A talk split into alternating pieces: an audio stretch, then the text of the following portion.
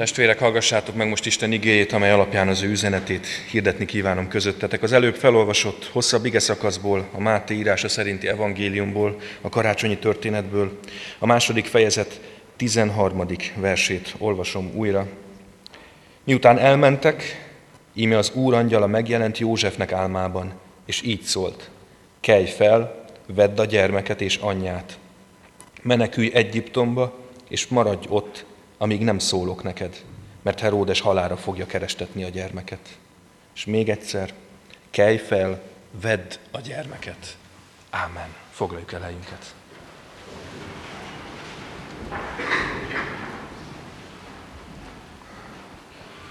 Kedves testvérek, ha ennek a mai ige hirdetésnek címet szeretnénk adni, akkor valami ilyesmi lehetne, hogy veszélyben a karácsony. Veszélyben a karácsony, és hát talán nem, nem véletlen, hogyha meghalljuk ezt a mondatot, akkor valami nagyon-nagyon gyenge amerikai karácsonyesti filmnek a címe és története ugorhat be nekünk. Veszélyben a karácsony.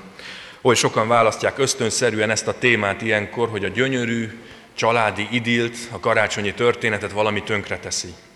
Hogy a télapó téved el esetleg, elrabolják a szarvasait, vagy otthon hagyják a kisgyereket a nyaralásra induló család tagjai, és ebből valamiféle kalamajka, a karácsony igazi lényege és középpontja kerül veszélybe. Veszélyben a karácsony. De ha felütjük a Bibliát, akkor azt látjuk, hogy valami nagyon hasonlóról beszél. Nem minthogyha hollywoodi producerek, forgatókönyv írók írták volna, de ők is valahogy ösztönszerűen érzik meg, hogy ebben a világban minden nagyszerűen induló történet mögött meghúzódik valamiféle veszély. Itt van ez a történet is. Alig, hogy kilépnek a bölcsek, elhagyják a szent családot, rögtön ott az angyali szózat. Veszélyben a gyermek. És ismerjük a folytatást is, amit nem olvastam fel. Feleségemmel beszéltük, hogy talán nem ezt kéne karácsony első napján felolvasni, a betlehemi gyermekgyilkosság a következő történet. Veszélyben a karácsony. Ez a történet enélkül is önmagában is nagyon erős, valami ilyesmi van ebben a buzdításban, amit elmond az angyal Józsefnek, és rajta keresztül Máriának és Jézusnak, meneküljetek az életetekért.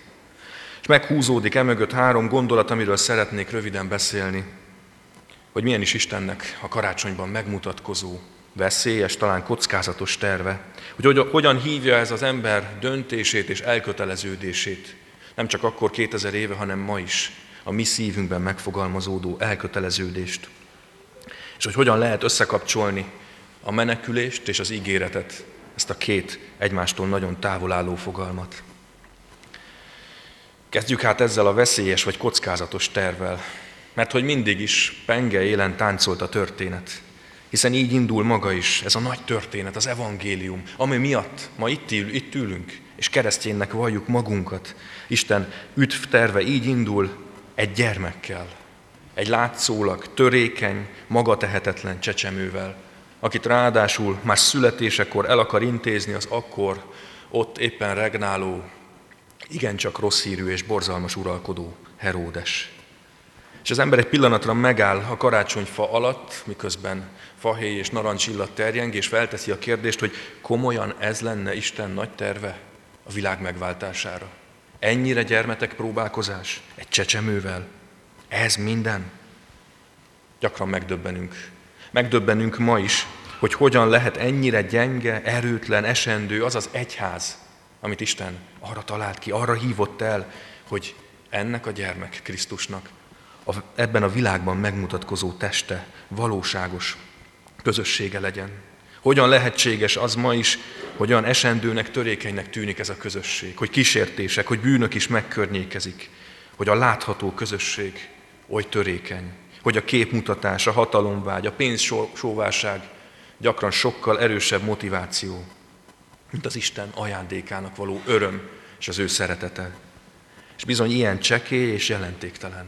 Valahogy Isten mindig csekély, az emberi szemnek, jelentéktelennek, erőtlennek tűnő történetek, üzenetek, közösségeken keresztül működik. Folyamatosan veszélyeknek kitett, tengeren hánykolódó hajó, ilyen az egyház. Folyamatosan veszélyeknek kitett, életveszélyben lévő, menekülő ilyen a mi megváltó Urunk.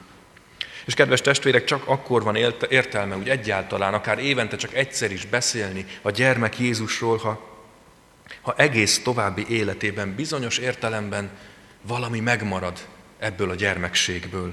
Hogy egy kicsit valamilyen értelemben megmarad Jézus gyermeknek később is. Hogy látszólag szemünknek, szemünk számára törékeny marad, kiszolgáltatott. Látszólag, mintha védelemre, a mi védelmünkre szorulna. Hogy látszólag ez az egész ügy, ami ott akkor azzal a csecsemővel elkezdődött, mintha inkább egy ígéret lenne, mint megvalósult, reálissá vált valóság. Ez igaz rá akkor és ott, és ez igaz az egyházra, itt és most ma is.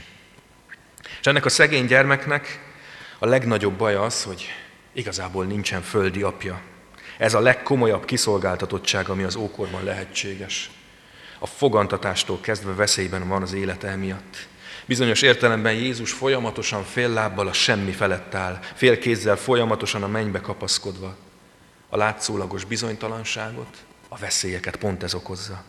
És emiatt kell nekünk is újra és újra feltenni a karácsonyi kérdést, hogy kit is várunk igazán. Amikor Isten ajándékát, azt a gyönyörűen becsomagolt dobozt szörgetjük és forgatjuk, és gondolkodunk rajta, hogy mi lehet benne, akkor, akkor vajon mi fogalmazódik meg a szívünkben, mélyen elrejtett vágyként. Milyen megváltót, milyen Istent várunk. Talán nem is tudunk válaszolni erre pedig megbújik a szívünkben sok-sok minden. Csak magunkból, az általunk felismert szükségleteinkből szoktunk kiindulni. Arra vágyok, amire itt és most szükségem van. Azt szeretném, ha ezeket itt és most betöltené valaki. Csak hogy az a furcsa, hogy az egész karácsonyi történetben egy gyermeket látunk, aki senkinek a szükségét egyelőre még nem tölti be. Sőt, ő szorul ellátásra. Ő szenved szükséget, ő szorul támogatásra, ő az, akinek szükségletei vannak, és ő csupán egy ígéret egyelőre. És persze mi ezt nagyon nem szeretjük. Mi szeretünk Istennek feltételeket szabni. Nemrég jelent meg egy interjú, aminek ez volt a cím sora, hogy ha van Isten, akkor. Na persze, ha van Isten, akkor úgy gondolkodik, mint én. Feltételezzük egy pillanatra a létét, megengedjük neki, hogy legalább gondolatkísérletként létezzen, de csak azért, hogy használjuk őt. Arra, hogy valamit elérjünk vele. Valamit kapni akarunk tőle, de mi mondjuk meg, hogy mit, hol és mikor. Pedig a karácsonyi történet pontosan arról szól, hogy Isten nem úgy gondolkodik, mint mi. Amit ma át akar adni nekünk, az elsősorban egy ígéret. Egy ígéret, ami viszont válaszra vál. Ez a válasz pedig az elköteleződés és a döntés. Mert ez a gyermek valamit előhív mindenkiből, aki találkozik vele. Pont a gyengesége, az erőtlensége hívja elő a döntést és az elköteleződést Józsefből. Egy pillanatra jó, hogyha megállunk mellette is. Ki is ez a József? Ki ez a új szövetség első lapjain megjelenő, aztán nyomtalanul eltűnő férfi? Egy igaz ember, ezt olvassuk róla, aki talán, ezt tehetjük hozzá, egy normális életet akart csupán, ahogy azt nemrég meghatározták így politikai üzenet is lett belőle, ugye? Három gyerek, három szoba, négy kerék. Szegény csak ennyit akart. Csak ennyit szeretett volna az élettől. Igazán megérdemelte volna, mert jó ember volt. Ez kiderül a későbbiekből is. És erre ott találja magát a világ történelem egyik legizgalmasabb, sok szempontból legvéresebb, és bizonyos értelemben családi drámájában. Heródes keresteti Jézust, meg akarja találni, de soha nem sikerül neki. József ellenben soha nem kereste, soha nem akarta. Nem vágyott erre a szerepre, és mégis ott találja magát, és utána viszont teljes szívvel és lélekkel beleáll a történetbe. Az első lépés az volt, hogy tisztességes akart lenni, normális akart lenni. Azt mondja, hogy ő csak elbocsátja Máriát, nem kívánja a halálát és a büntetését. De Istennek nem elég ez, hogy csak betartjuk a szabályokat, csak normálisak akarunk lenni. Azt mondja neki, vállalt fel őt, még meg sem született, de vállalt fel. Te fogod elnevezni, hozzád fog tartozni. Azt mondja Isten, az enyém, de hozzád is tartozik. Isten fia, de Jézus egyszerre József fia is lesz. Örökre az ő családfájában találja meg a helyét. Azt mondja neki az angyal, hogy vállalt fel, csak és kizárólag az ígéretre alapozva. És József megteszi, pedig mindenki őrültnek, baleknek, hülyének gondolta őt emiatt. Hogy lehet? Egy várandós nőt feleségül venni. De ez még mind elég, pedig már erre is fejünket hajthatnánk meg tiszteletünk jeléül. Miután elmennek a napkeleti bölcsek, kavarog fejükben, szívükben a sok-sok élmény, ledőlnek aludni, és még éjjel megjelenik az angyal és az újabb próbatétel. Az újabb próbatétel és az újabb ígéret. Azt mondja, hogy ne csak őt vállalt fel, hanem vállalt fel vele együtt azt a sorsot is, amire Isten őt rendelte. Menekülj. Sőt, nem csak vele menekülj, hanem te menekítsd ki őt. Vedd a gyermeket. És József még éjjel megy, azonnal gondolkodás nélkül. Ahogy felébred álmából, rögtön indul. A megszokottból, a normálisból, az emberileg elvártból, így rögtön valami elképesztő kaland lesz. Útban Egyiptom felé, az ismeretlennel szemben, a vérengző királlyal a hátunk mögött, és Isten terve mindent felülír, amit eltervezett az életével, és innen már nincs is megállás. De a lényeg, amit kezd ő is, és remélem, hogy lassan mi is megérteni, az az, hogy ez a gyermek azért gyermek, hogy bennünket hívjon az elköteleződésre, hívjon a döntésre, csak úgy, mint minden gyermek, feltétlen odaszánást vár tőlünk. Elsőre úgy tűnik, mintha József menekítené Jézust, aki maga tehetetlenül sír, alszik Mária ölében. Úgy tűnik, mintha itt a cselekvő hit dolgozna, miközben Isten fia pihen és alszik.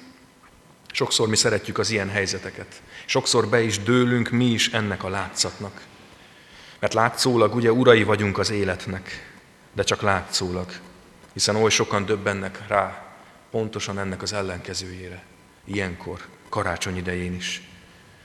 Látszólag mi is visszük, építjük, segítjük az egyházat.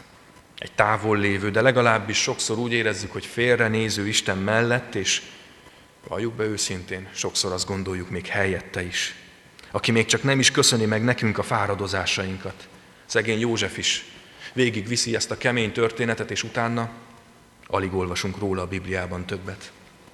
És látszólag a gyermek élete egy hajszálon függ, és nem látjuk meg Isten ígéretét, amely erősebb minden pajzsnál, amit köré lehetne vonni. Ez az ígéret az, amiről egy kicsit még kell beszélnünk. Mert csak a gyermek megváltó igényli ilyen feltétlen módon a döntést és az elköteleződést, amikor vissza fog térni, hiszen ebben bízunk, hogy el fog jönni ítélni eleveneket és holtakat, akkor már egyértelmű lesz a történet. Akkor minden térd meg fog hajolni előtte, még a heródesek térde is. Most izgalmas a karácsonyi időben, amelyben mi is élünk, elköteleződni egy kérdőjeles, egy sokak szemében jelentéktelen, megcáfolhatónak tűnő, félresöpörhető történet mellett. Mert a keresztény hit annyiban és addig hit, amíg így vállalja fel Istent. Itt és most, ebben az életben. A kérdőjelekkel, a kihívásokkal, néha kételjel, szorongással, sok-sok lemondással és áldozattal lesz igazán hitté a karácsonyi hit. És József példájában az a gyönyörű, hogy ő ezt önként vállalja. Hiszen nem a saját gyermeke. Senki sem ítélhetné el, hogyha kiszállna ebből a történetből. Nincs mellette semmi és senki, aki támasz. Nem támogatja őt a társadalom elvárása. Senki nem mondja azt, hogy neked azért ott kéne állnod mellette, drága József. Nincs mellette a hagyományos erkölcs igényes, sőt, éppen szemben van mindazzal, amit ő tesz. Mert ő egyedül Isten szavára hallgat és vállalja, vállalja Jézust és vállalja a sorsot, ami ezzel együtt jár. Egy normális életet akar, de csak egy ígéretet kap helyette Istentől. Ahogy korábban Mózes megszabadította a választott népet Egyiptomból, úgy minden otc és esély dacára ismét Jézus. Ez a gügyögő, síró, alvó csecsemő fog győzni, és megszabadítja népét. Az a nagy kérdés, testvérek, hogy elég ez bármire. Amikor ott van a szívünkben a vágy, a karácsonyi öröm, békesség és szeretet után, elég lehet-e egy ilyen ígéret Istentől? Sokan azt mondják, hogy nem. Sokan azt mondják, hogy az ígéret semmire sem elég. A keresztény ismerősöm mondta a napokban nekem, hogy hiába beszélünk mi itt kereszténységről. Nálunk ez nem így működik, ahonnan én jövök, mondta ezt ő. Nekem az a normális, hogy az emberek csalnak és hazudnak. És ismerjük ezeket a mondatokat. Az a normális, hogy az ember magányos. Az a normális, hogy férfiak hűtlenek, az asszonyok meg elhagyják párjukat. Az a normális, hogy végül mindenkinek sebekkel lesz tele a szíve. Olyan sebekkel, amelyek talán éppen karácsony napján fájnak a leginkább. Ez lenne a normális. És pont én legyek az, tehetjük fel a kérdést, akinek meg kéne nyílnia, akinek oda kéne lépnie, pont én hozzak áldozatot, pont én szeressek önzetlenül egy egyszerű, törékeny ígéret miatt, még karácsonysor, karácsonykor sem megy ez nekünk. Kedves testvérek, értsük meg ezt is. Ma sokan kiakadnak azon, hogy sokszor normalitás lett, hogy sok arra méltatlan ember is Krisztus követőjének nevezi magát. De ezen nem kell kiakadni. Mindig ilyen volt, és ilyen lesz az ember. A karácsonyi kérdés az, hogy ki az, aki a gyenge, az erőtlen megváltót vállalja fel, akivel nem jár kapcsolati tőke, vagy éppen erkölcsi támogatás, aki nem szerez nekem jobb állást ezért, de még a számlát sem fizeti ki helyettem, akinek a révén nem kerülök semmilyen egyház intézményhez közelebb, mert ő nem ilyenekben utazik. Mert ha utazik is valamiben, akkor az a menekülteket szállító karaván Egyiptom felé. Mert ezt jelenti kereszténynek lenni testvérek, megragadni az Urat és menekülni vele. Venni a gyermeket, felvenni a gyermeket, és kilépni vele a megszokottból, a normálisból, az elvártból, és engedni Isten hívásának. Ez eddig a történet emberi oldala. Egy erőtlen gyermek, egy férfi, aki belecsöppen ebbe az egészbe, felvállalja ezt a gyermeket, veszi a gyermeket, megragadja és viszi magával az ismeretlenbe, hogy megmentse őt az életnek és a jövőnek. Látszólag József viszi Jézust. Látszólag ő menekíti meg a megváltót. Pedig éppen fordítva van. Testvérek, van egy másik nagyon erős jelenet az új szövetségben. Egy kicsit hátrébb kell lapozni. Nagy pénteken vagyunk. Jézus életének a végén, az utolsó napján. Egy másik József, egy bizonyos arimátiai József története ez aki a Jézust elítélő nagy tanács tagja, és dacolva minden ebből fakadó veszéllyel, akkor, amikor Jézus története emberileg már véget ért, tökéletes a bukás. A mester, a vezető, a zsidó királya a kereszten kilehelte a lelkét. Akkor, amikor emberileg teljesen értelmetlen mellé állni, ő mégis elmegy, kikéri a kereszten meghalt Jézus testét veszi a testet, veszi Jézust, és ő maga viszi el a saját sírjába. Testvérek, felvállalni Krisztust a halálában, a látszólag legnagyobb bukásban, a kudarc teljes biztonságával, olyan tett ez, ami még az evangéliumban is említésre méltó. Vinni és hordozni őt akkor, amikor senki sincs ott mellette. Menekülni a megváltóval, aki látszólag egyetlen esendő emberre van bízva. Ez a karácsonyi a karácsonyi hit. Ez az igazi karácsonyi hit. Teljes valómmal, odaszánásommal tartani és megtartani, vinni és hordozni az Urat. A csecsemőt, a gyermeket, a kereszten szenvedőt és meghalót, mintha minden rajtam múlna, azzal az odaszánással. És abban a pillanatban, hogy meglépem ezt a lépést, hogy kilépek az elfogadott keretek közül, hogy megtagadjuk az életünket meghatározó alapvetéseket, hogy dacolunk a normákkal, hogy Krisztust felemeljem és vigyem, most akkor és ott megtörténik a csoda. Mária és József, a pásztorok és a bölcsek, a tanítványok és Arimátiai József csodája az, hogy megértem, hogy ő az, aki hordoz. Ő az, aki visz. Ő az, aki értem született. Aki értem menekül. Aki értem szenved. Aki értem hal meg, és értem támad fel ahogy Ézsaiás írta évszázadokkal korábban erről a hihetetlen ellentmondásról, ami meghatározza a mi keresztény hitünket. Ezt mondja, mert egy gyermek születik nekünk, fiú adatik nekünk, az uralom az ő vállán lesz, és így fogják nevezni, csodálatos tanácsos, erős Isten, örökkévaló Atya, békesség fejedelme. Uralma növekedésének és a békének nem lesz vége Dávid trónján és országában, mert megerősíti és megszilárdítja, törvényel és igazsággal, mostantól fogva mindörökké. A seregek urának féltő szeretete viszi véghez ezt. Testvérek, köteleződjünk el, álljunk oda, vegyük fel a gyermek Jézust. Vegyük fel, hogy miénk lehessen a seregek ura, az erős Isten, az örökkévaló Atya, a békesség fejedelme. Úgy legyen. Amen.